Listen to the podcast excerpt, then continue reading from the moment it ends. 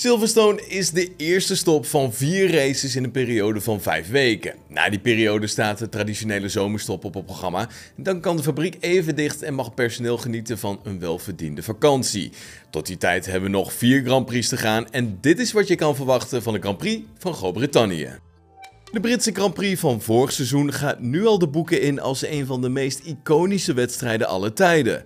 Max Verstappen en Lewis Hamilton kwamen elkaar tegen in kops na een intense strijd na het uitgaan van de startlichten. Ja, nu, een kleine 12 maanden verder, lijkt het erop dat Hamilton geen factor zal gaan spelen om de overwinning van de race. In plaats daarvan lijkt Ferrari de grootste kans hebben. Maar na zes overwinningen op rij ja, is Red Bull de favoriet om er een zevende winstpartij aan toe te voegen. Verstappen zal erop gebrand zijn om een revanche te nemen voor de gebeurtenissen van vorig jaar. Vooral voor de ogen van Hamilton en het thuispubliek van Mercedes.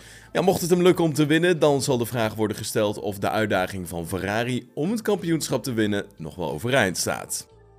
Charles Leclerc zal op Silverstone willen terugslaan nadat hij in Canada eigenlijk geen prominente rol speelde. De monegask viel niet uit. En ja, dat is eigenlijk al wel een zegen voor het team, maar nu wil Leclerc weer druk op gaan voeren op Verstappen. Leclerc leidde zowel de Grand Prix van Spanje als die van Azerbeidzjan. Dus ja, er is geen twijfel dat hij tempo heeft om Verstappen uit te dagen. De monegask hoeft geen rekening te houden met eventuele gridstraffen, wat in Canada nog wel het geval was.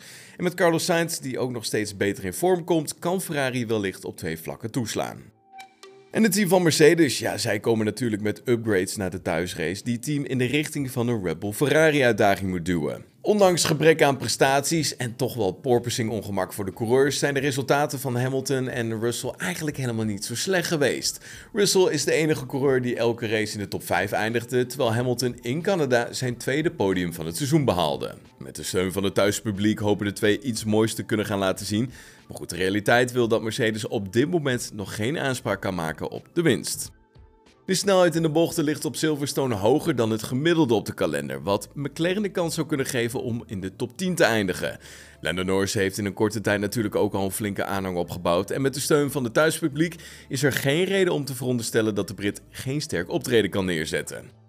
Ja, vanaf dit weekend wordt er ook gehandhaafd op het juwelenverbod. De situatie liep uh, nogal uit de hand nadat de VIA tijdens de Grand Prix van Australië aan herinnerde dat het dragen van juwelen in de auto verboden was. Hamilton draagt nog steeds een neuspiercing en riskeert de Brit dus een sanctie. Dit kan een boete zijn, maar in het meest extreme geval kan hij zelfs uitgesloten worden van deelname aan de race. Na verluid zal het echter niet zo ver komen vanwege de steeds beter wordende relatie tussen Hamilton en Ben Sulayem.